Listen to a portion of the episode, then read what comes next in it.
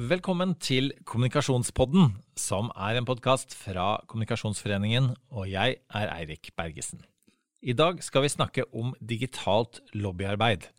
Hvordan får du best gjennomslag hos politikerne, og hvordan foregår egentlig lobbyarbeid nå som alt er blitt digitalt? Studentorganisasjonen er kjent for å være blant landets fremste lobbyister. De er her for å lære bort sine beste triks. Stortingsrepresentant for Høyre Heidi Nordby Lunde forteller hvordan du får oppmerksomheten til en politiker. Velkommen inn i studio, Karsten Nilsen. Tusen takk. Du er kommunikasjonsrådgiver i NSO, som er Norsk studentorganisasjon. Og du er, og dere, da, for å si sånn, er, blir ofte holdt fram som de beste på lobbyarbeid. Og det, ikke minst, eh, i en bok som, eh, som, kom ut for et par år siden, som heter 'Lobby', håndbok i politisk gjennomslag, som Katrine Gramnes eh, skrev. Eh, og eh, jeg var så heldig å få være med å lansere den boka, så da intervjuet jeg deg på scenen, Karsten. Så jeg, nå, ser du litt sånn, litt sånn beskjeden ut, men, og det var du da også. Mm. Men, men det er jo ingen tvil om at dere blir holdt fram som veldig flinke på dette. Men før vi går videre på hva dere er flinke på, hva er egentlig lobbyarbeid? Hvis vi bare tar den runden. Det er jo litt mystisk for mange. Å ja, veldig mystisk. Eh, altså jeg pleier å bruke ordet påvirkning, eh, og påvirkningsmøter eller påvirkning generelt, mer enn lobby. Eh, ofte har jo lobby dette er, det er et fyord. Eh, folk tenker gjerne på våpenlobbyingen i, USA eller andre liksom, fy-organisasjoner eller sånn. Men når vi snakker om kunstgresset på Sagene, eller om vi snakker om å flytte 11 milliarder på statsbudsjettet, så er det påvirkning. Det er en, jeg, ofte en god samtale. Og vi ønsker jo å nå et mål. Det vi i hvert fall omtaler det som. Ja, fordi det er ikke bare mystisk, men også har en litt sånn negativ klang for mange. Å oh, ja, ja. Eh, og det har jo vært Kommunikasjonsforeningen og andre har jo hatt diskusjon om åpne register eh, for påvirkning, og hvem som møter på Stortinget og andre ting. Så det er jo Ja, det er mystisk. For det første det, det at, at, en del ting skjer i det skjulte, og det ikke er full åpenhet rundt det, det er vel kanskje det som, som mange er skeptiske til? Ja, det tror jeg. Eh, absolutt. Men eh, jeg tror jo sånn, i hvert fall Nå har jeg ikke så erfaring fra USA eller EU eller andre land, men jeg har jo fra Norge. Og jeg syns jo at ja, jeg representerer studentene i Norge, eller er med å representere studentene i Norge. Men om du er enkeltperson eller annet, så driver det påvirkning. Og jeg, jeg, tror at i Norge kan vi drive påvirkning selv om vi er enkeltpersoner. Og det tror jeg kanskje det er mer positive enn andre land som jeg i hvert fall har lest om. Og så er det vel også sånn at det er gjerne aktørene selv og institusjonene selv som, som driver det, og ikke alle mulige byråer som, som mellomledd, som regel. Ja, altså hos oss da, så er jo vi nå eh, Eller når jeg begynte, så var vi tre stykker eh, i eh, sekretariatet. Hvor jeg var kommunikasjonsrådgiver, men jeg var også IT-konsulent, jeg var den ja, organisasjonsrådgiver. Til å planlegge hvordan vi skulle drive lobby. Og det er jo liksom det at ja, jeg er tannhjul. Jeg hjelper med kunnskapen, forståelsen på hva som skal påvirke. Men det jeg kanskje har en fordel av, er at mine påvirkere, det er studenter. Og det er ikke jeg som kaller 50 år gammel mann som kan dette, som påvirker. Jeg legger til rette.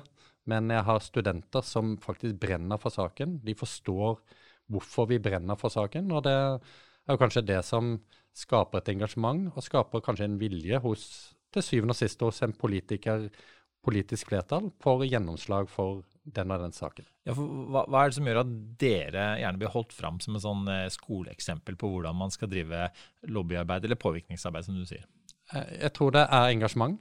Brenner for saken. Eh, representerer seg selv, tror jeg. Ja, og så kan sakene. Jeg tror at det at uh, vi her kaller unge voksne, forstår hvordan samfunnet fungerer, og så skal jeg ikke stikke under en stol om at kanskje den kompetansen som sitter bl.a. hos uh, undertegnede, men også andre dyktige kolleger, er med på å hjelpe at man ikke bytter ut én gang i året. For vi er jo en organisasjon hvor den politiske ledelsen byttes ut én gang i året. Uh, I forhold til andre sammenlignbare organisasjoner så har de gjerne ledelsen sittende over ti år. Og det å skape den forståelsen Eh, og kjennskapen er kanskje vanskeligere for oss enn for andre organisasjoner. Det som da skjer, er at eh, du må eh, skolere de, dine, din nye politiske ledelse hvert år, rett og slett. Eh, og da har du en type sånn mal, ikke sant? du har en ting du har gjort eh, mange ganger før. Og så eh, skjer det en pandemi som gjør at du og dere må gjøre ting på en ganske ny måte. Hvordan har, har koronapandemien påvirket lobbyarbeidet deres? Oi, det jeg et veldig stort spørsmål. Altså, du snakket om opplæringen. altså Normal opplæring det er en tre ukers helvetesuke for et nytt arbeidsutvalg. Mm.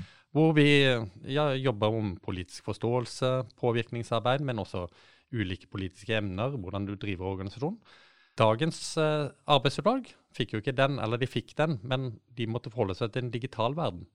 De fikk ikke lov til å gå inn Stortingets fine, flotte porter de fikk ikke annet enn å møte en SMS eller en, uh, ja, en Teams-samtale eller Zoom-samtale, som vi stort sett sitter i. Og det å skape den digitale påvirkningen er nok kanskje det som var vanskelig. Og når jeg satt her og tenkte på denne poden, så begynte vi påvirkningsarbeidet faktisk kvelden den 13., eller fredagen den 13. mars. begynte vi. Og da begynte vi med små steg med SMS, til og med Facebook-meldinger. Eh, til eh, den digitale påvirkningen, til nå at vi sitter ja, ukentlig med en fantastisk eh, departement og en statsråd som vil ha møter med studentene en gang i uken. Så dette, dette er um, tosidig. Her blir dere møtt med den øverste politiske ledelsen, altså eh, kunnskapsminister, som, som, er, som, er, med å legge til rette for at den dialogen, eller det påvirkningsarbeidet, fungerer. Ja, altså eh, fra egentlig spesielt fra Eller egentlig under hele pandemien, men man måtte jo tilpasse seg sikkert også, som vi måtte hos oss. Hva er Zoom, hva er Teams? Man visste jo knapt nok hva det var. Til nå at eh, Og det tror jeg departementet også måtte gjøre. Men nå tror jeg altså De ukentlige møtene vi har, hvor vi begge parter møtes til beste for norsk høyere utdanning, men også studenter. Vi er ikke nødvendigvis enige, men eh, jeg tror jo forståelse for, for hverandre. Og det, og det, tror jeg man gjenspeiler faktisk i gjennomslagene til både regjeringen på satsing på utdanning og, og studenter i løpet av denne pandemien, til uh, at vi er fornøyd. Mm. Og eh, dere hadde jo en Altså, du har jo ikke lobbet for å komme på dette programmet. Det er, det er blant annet Fordi, eh, fordi dere ble holdt frem i denne boka til, til Katrine om Gramnes om, om lobbying. Og, og, en av de tingene hun holder frem der, er på en måte den langsiktigheten deres, og at dere klarer å bestemme dere for hvilke saker dere skal prioritere. Kan en av fellene for de som ikke er like flinke, være at man Eh, blir så glad i det digitale at man nesten begynner å, å spamme litt. Eh, og at man klarer ikke helt å bestemme seg for, for, hva er viktigst. Og mottakeren av eh, lobbyingen føler kanskje at det blir litt for mye og litt vanskelig å se hva som er viktig. Jeg tror det er et veldig godt poeng. Altså, jeg noterte for meg selv før jeg kom her. altså Politikere er mennesker. Mm. Eh, du må akseptere at selv om de er på en digital flate, så er de ikke eh, politikere 24-7. Altså, selv om de er det. men de er eh, normale mennesker. De ønsker å ta et glass vin, de ønsker å være sammen med venner, eh, familie eller andre ting. Og det er jo det å finne når skal vi drive påvirkning, og det er kanskje en del av de tingene vi prøver å jobbe med. Og et annet stikkord, som du sa, det er liksom det å ha stamina i magen, eller is i magen. Og det er sånn fra et, et, eksempel er jo elleve måneders studiestøtte, som vi har fått nå endelig. Men det begynte jo vi å jobbe med i 2004, dvs. Si 16 år siden. Og det å tørre å stå i den kampen Og studentene som var den gangen, de begynte det. Og det er studentene i dag, eller studenttillitsvalgte i dag, som er med å få det gjennom. Og det har gått eh, mange tusen studenter gjennom denne studentkvernen. og det er jo det som jeg også har tenkt på, at skal du kjempe for kunstgresset til eh, dine barn, så gjør du egentlig for kunstgresset eh, Eller du kjemper egentlig den saken for kunstgresset for neste barn, ikke for dine egne barn. Mm, mm. Eh, og du sier at, at, politikere er glad i et glass vin. Eh, og det jo, var jo tidligere, før pandemien, også en fin måte å drive med lobbying. Og møte de over et glass vin og kanskje eller, eller en, en, kaffe litt eh, tidligere på dagen. Den, den, forsvant jo, men det forsvant jo på en måte en, sånn en tillitsskapende effekt som, som dere hadde på forhånd, eh, fordi de kjente dere, men som kanskje er vanskelig for andre å etablere? Ja, altså Jeg husker jo før at man hadde Tostrup-kjelleren, og nå er det vel Arendalsuken eh, som er kanskje den arenaen. Den ærverdigheten som er eh, omtalt om Stortinget. altså Digitale møter er bra. Norske politikere er fantastiske til å svare oss på, på henvendelser og andre ting.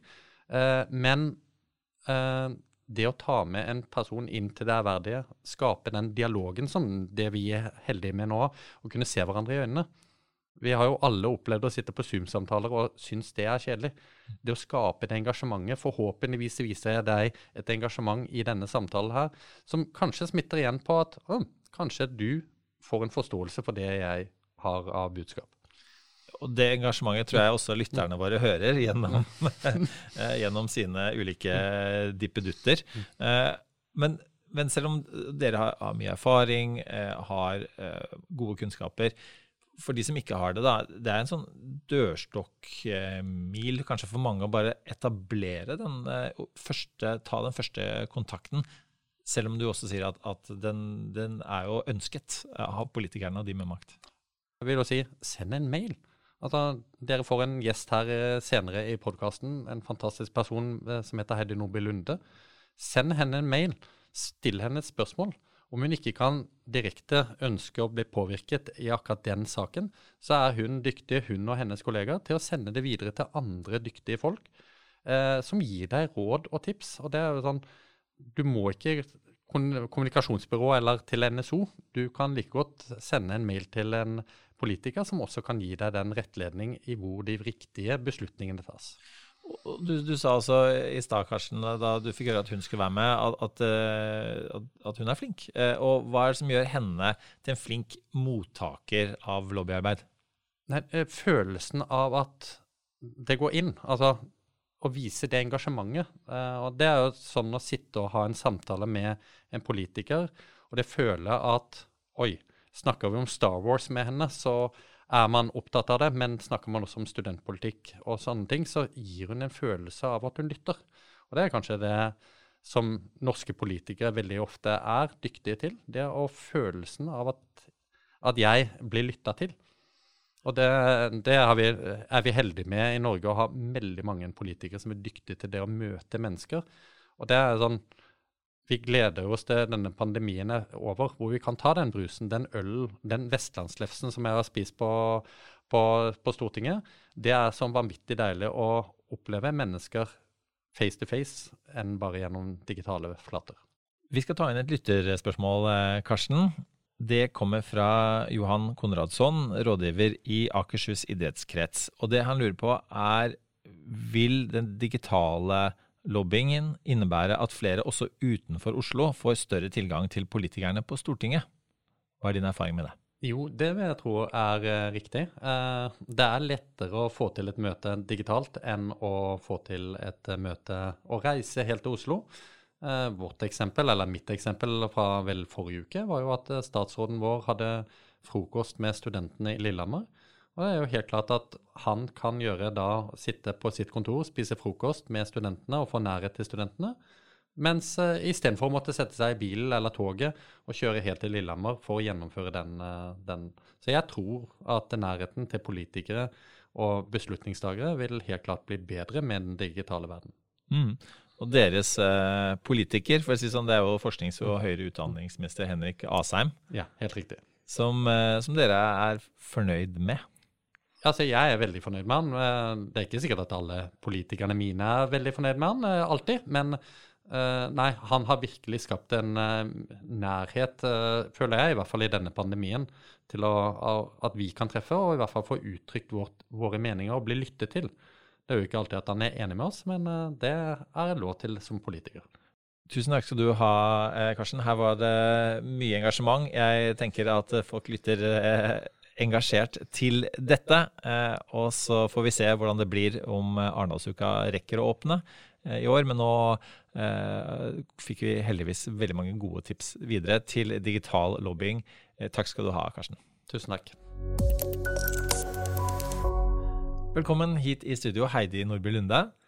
Du er stortingsrepresentant for Høyre, og også leder i Oslo Høyre og i Europabevegelsen. Så det betyr at du både er mottaker for lobbyarbeid og, og for så vidt også bidrar selv til å lobbe andre.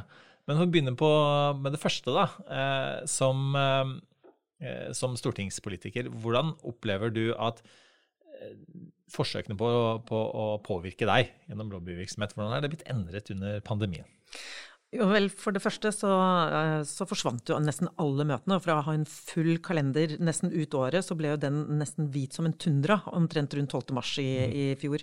Både med reisevirksomhet og møtevirksomhet. Og det tok litt tid faktisk før det eh, endra seg, og folk begynte å komme på Teams eller på andre eh, digitale plattformer. Men, eh, men, nå er man nesten litt tilbake til normalen, hvor du kan sitte i, hele dagen i møter med ulike folk og grupperinger eh, og få innspill. Men det endra seg det tok litt tid før den endringen skjedde, faktisk. Ja, fordi altså, Selv de som syns at uh, lobbyvirksomhet er veldig lyssky og virksomhet, eh, det er jo ikke meningen at politikerne skal sitte der helt alene uh, og tenke ut ting i hodene sine. Man trenger jo innspill fra enten det er næringslivet eller det er sivilsamfunn eller ulike typer aktører. Ja, jeg tror det har noe med ordet lobbyisme å gjøre. At man har veldig mange myter knytta til det. Og så har vel også det politiske miljøet vært litt flinke til å bygge opp under det sjøl, og snakker om hvordan de politiske prosessene fungerer eller ikke fungerer. Eh, beslutninger som tas i nattens mulm og mørke, og at man, noen har snakket sammen. Men for å være helt ærlig, det er nok mye mer strukturert, åpent og mulig å få innsyn i enn det mange er klar over. Og jeg opplever også norske politikere som svært tilgjengelig Eh, i forhold til mine utenlandske kollegaer. Så det er ganske lett å komme i kontakt enten via mail eller telefon, eller eh, i møter dersom man er en organisasjon. For enkeltpersoner så er det nok eh, litt, litt mer krevende. Men jeg opplever at politikere er villige til å snakke med mange fordi vi trenger den inputen. Vi tar ikke beslutninger i, i, i et litt sånn tomt, tomt, rom. Vi må forstå på en måte hva er folk opptatt av. Hva er problemet til denne næringen? Og noen ganger så er det også litt for å forstå hvor kommer opposisjonen til å treffe oss. Mm. Hvem har de snakket med? Mm. Eh, og noen ganger så er det altså bare forstå en problemstilling og, og, få deres beskrivelser av det. Så trenger jeg ikke være enig, men det er veldig nyttig også for at jeg skal overbevise dem tilbake. Så jeg tenker jo at det er fint å få lobbyistene i rommet, for jeg skal også forklare bakgrunnen bakgrunn for våre politiske beslutninger, og hvorfor vi ikke gjør som dem sier. Og av og til så møter vi faktisk ganske god forståelse for det, så det er en veldig nyttig dialog på alle mulige måter. Mm. Eh, og, og, du snakker om disse tomme rommene. altså Nå har det bokstavelig talt vært tomme rom, eh, eh, men de er blitt fylt av fulle digitale rom. Mm. Men de som er der nå, er det nesten akkurat de samme som var der før, sånn fysisk, eller er det endra seg litt også? For min del så har det vel vært mange av de samme som, eh, som, tidligere. Også fordi at eh, jeg eh, også er aktivt ute og søker kontakt med de jeg vet kommer til å gi innspill uansett. Så, og da går man nok kanskje litt i gamle vaner. altså Hvem er det vi pleier å snakke med, bør snakke med? Hvem er det som står på referanselista og gir innspill til de ulike sakene våre? Um, men jeg vet jo fra tilbakemelding fra andre kollegaer, og også fra statsapparatet, at de ser en endring i, og dette her er jo en positiv endring for klima, nemlig i politikk politikere fra andre fylker eh, eller aktører fra andre fylker som tidligere tok en dagstur til Oslo for å snakke med statsråden, nå har en lavere terskel for å både komme i kontakt med og ha kortere og mer effektive møter. Så jeg tror nok vi har endra måten vi har dialog på, men da mangler man jo også noe av det personlige. Så det å møte, ha en høyere møtefrekvens, kanskje, møte flere på kortere tid. Eh, men så går også noe tapt i noe av det personlige som av og til kan være nyttig. Det er jo gjerne når aktørene reiser seg fra bordet og man senker skuldrene for den direkte dialogen, at du får noen kommentarer eller innspill eller noe sånt noe som du nå ikke får på vei bort til, til heisen når du skal si ha det til folk, f.eks. Og det savner vi. Ja, fordi også, både, tillit er jo viktig i, i et samfunn, og, og et, eh, en av bærebjelkene kanskje i det norske samfunnet. Og, og det er jo noe man mister i den personlige tilliten som grunnlaget for alle de faktaene man blir overøst med, eh, f.eks. på en Teams-møte? Ja, det er det ene. Og så tror jeg en av de tingene som vi i hvert fall mangler, og det er kanskje ikke bare i sånn type lobbymøter, men møtevirksomhet generelt, er at eh, du ikke får den ikke-verbale inputen på hvordan folk reagerer på kommunikasjon. Uh, og det er faktisk ganske viktig på om du klarer selv å korrigere uh, ditt, din egen kommunikasjon, men også om du får med deg den stemningen i, i, i rommet. Så det, det, mister man, og man mister kreativitet også. Og så blir man litt sånn tidseffektiv. Hvor lenge skal dette møtet? Er jo, da kastes du ut av dette rommet, digitale rommet. Og det er jo um, så, så, det er mange ting som vi, som vi, også går glipp av. Så det har sine fordeler. mer effektive møter over avstander hvor du kan få raskere input. Men det f.eks. når jeg tar til motmæle som politiker, blir jo ikke alltid godt tatt imot av eh, særinteresser eller organisasjoner som vil snakke med oss. Men det har jo også av og til for å korrigere budskapet, eller for at de skal spisse budskapet til meg, sånn at jeg forstår egentlig hva de mener. Og da kan det bli kanskje litt unødvendig hardt. Litt mer som vi også sier om sosiale medier, at den kommunikasjonen som er skriftlig, den er litt hardere enn når vi møter hverandre menneske til menneske og ser hvordan vi reagerer på ulike budskap. Men du, du, ble jo holdt fram av, av Karsten Nilsen i studentorganisasjonen, som var innom her tidligere i dag, som eh, en av de spesielt flinke til å motta lobbyvirksomhet. Til å la seg påvirke.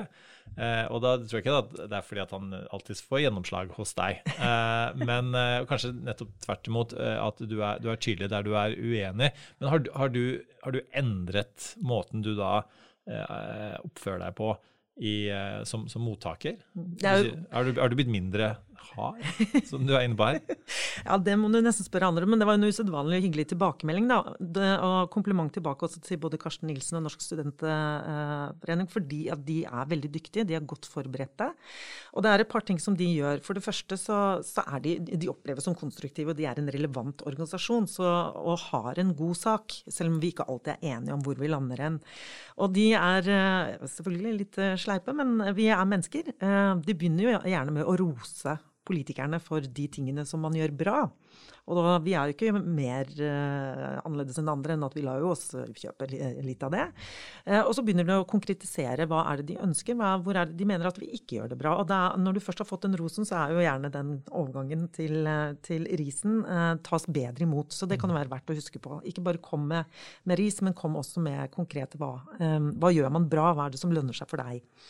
Uh, og så er de konstruktive og blide, og så har de veldig ofte med seg korte posisjonsnotater som gjør at selv om jeg eh, noterer, så har jeg også deres språk og deres fremstilling. Og de har gjort jobben sin grundig. De veit hvilken post i statsbudsjettet de vil ha gjort noe med. De vet også når vi sier dette trenger dere ikke gjøre mer av. Uh, gjør mindre av dette. Sånn at de er veldig konkrete.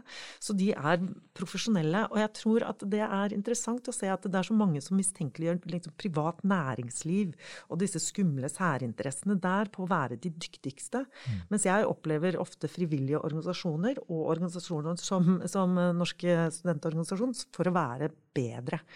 Kanskje også fordi at de føler vel at de har en litt bedre sak. Det mener jeg ikke er riktig.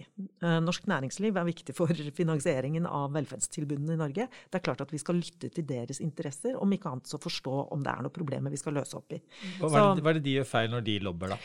Ja, altså, nå, eh, Det er to litt forskjellige ting. Er, eh, de har jo også sine organisasjoner. Du har jo NHO og Virke som, som, jo er profesjonelle og gjør mye av det samme som Norsk studentunion eller, eller organisasjon. Morsom her kunne jeg kunne nesten sagt motsatt. Um, Eh, mens enkeltbedrifter og van, jeg holdt på å si, um, administrerende direktør i et selskap som skal mm. si noe til meg som politiker, begynner gjerne med eh, en pekefinger opp i trynet, på, som om jeg ikke har 20 års med næringslivserfaring.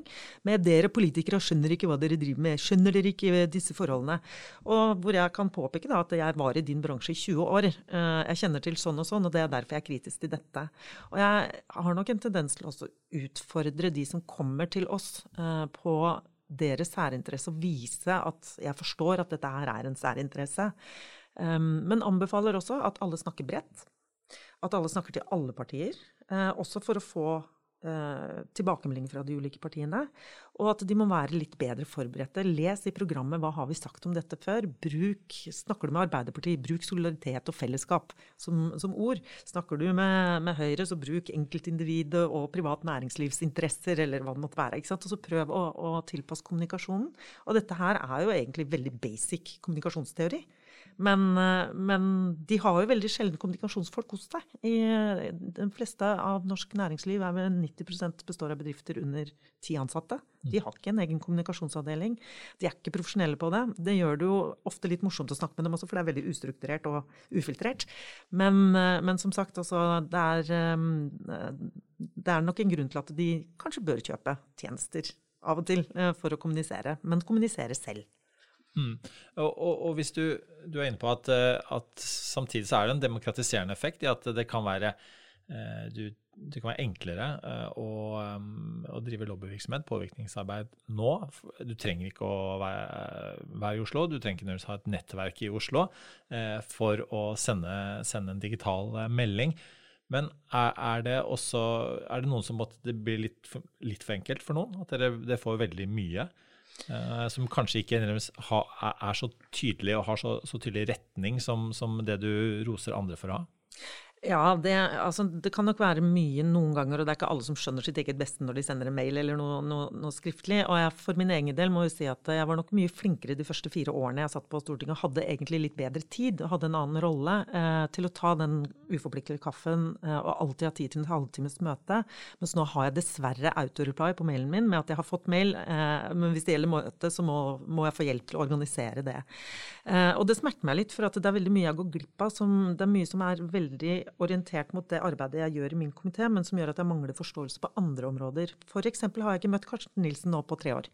Um, og jeg ønsker jo også vite mer om det andre Norge enn bare det jeg jobber faglig med til daglig. Og det mister vi også. Uh, så ja, vi kan snakke om at det er demokratiserende. Uh, og noen ganger kan det bli litt vel mye.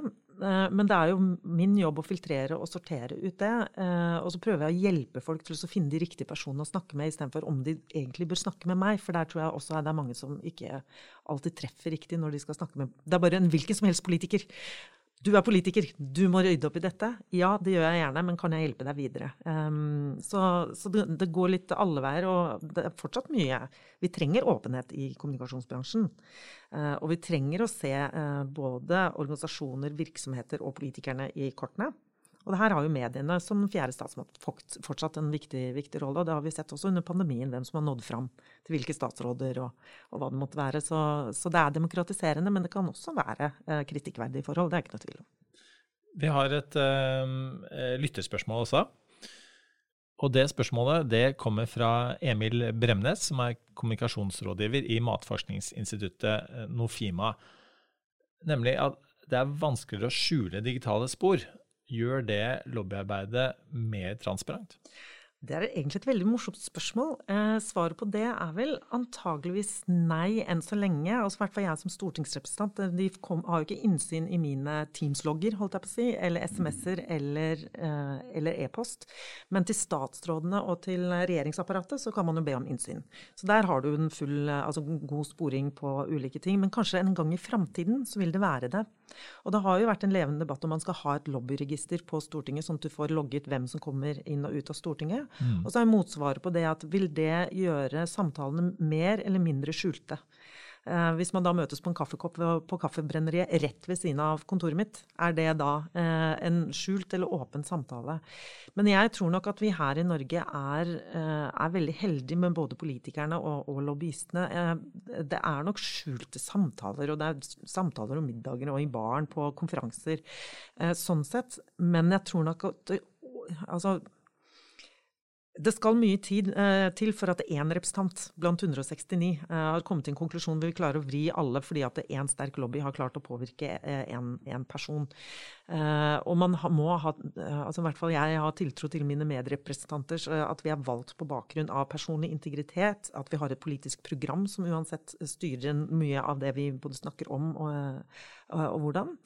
Um, og at man ikke får vridd den type politiske prosesser så skeivt, annet enn å skape en bedre forståelse av hva som faktisk er behovene. Og da kan nok hende at jeg som politiker er uenig med løsningen med deg som uh, lobbyist, men det kan allikevel hende at vi kommer fram til en tredje svar som ingen av oss hadde hatt om vi ikke hadde snakket sammen. Og det er det som er uh, den største verdien av lobbyisme for meg. Mm. Vi snakker om at, at lobbyvirksomhet, som mye annet, har blitt heldigitalt.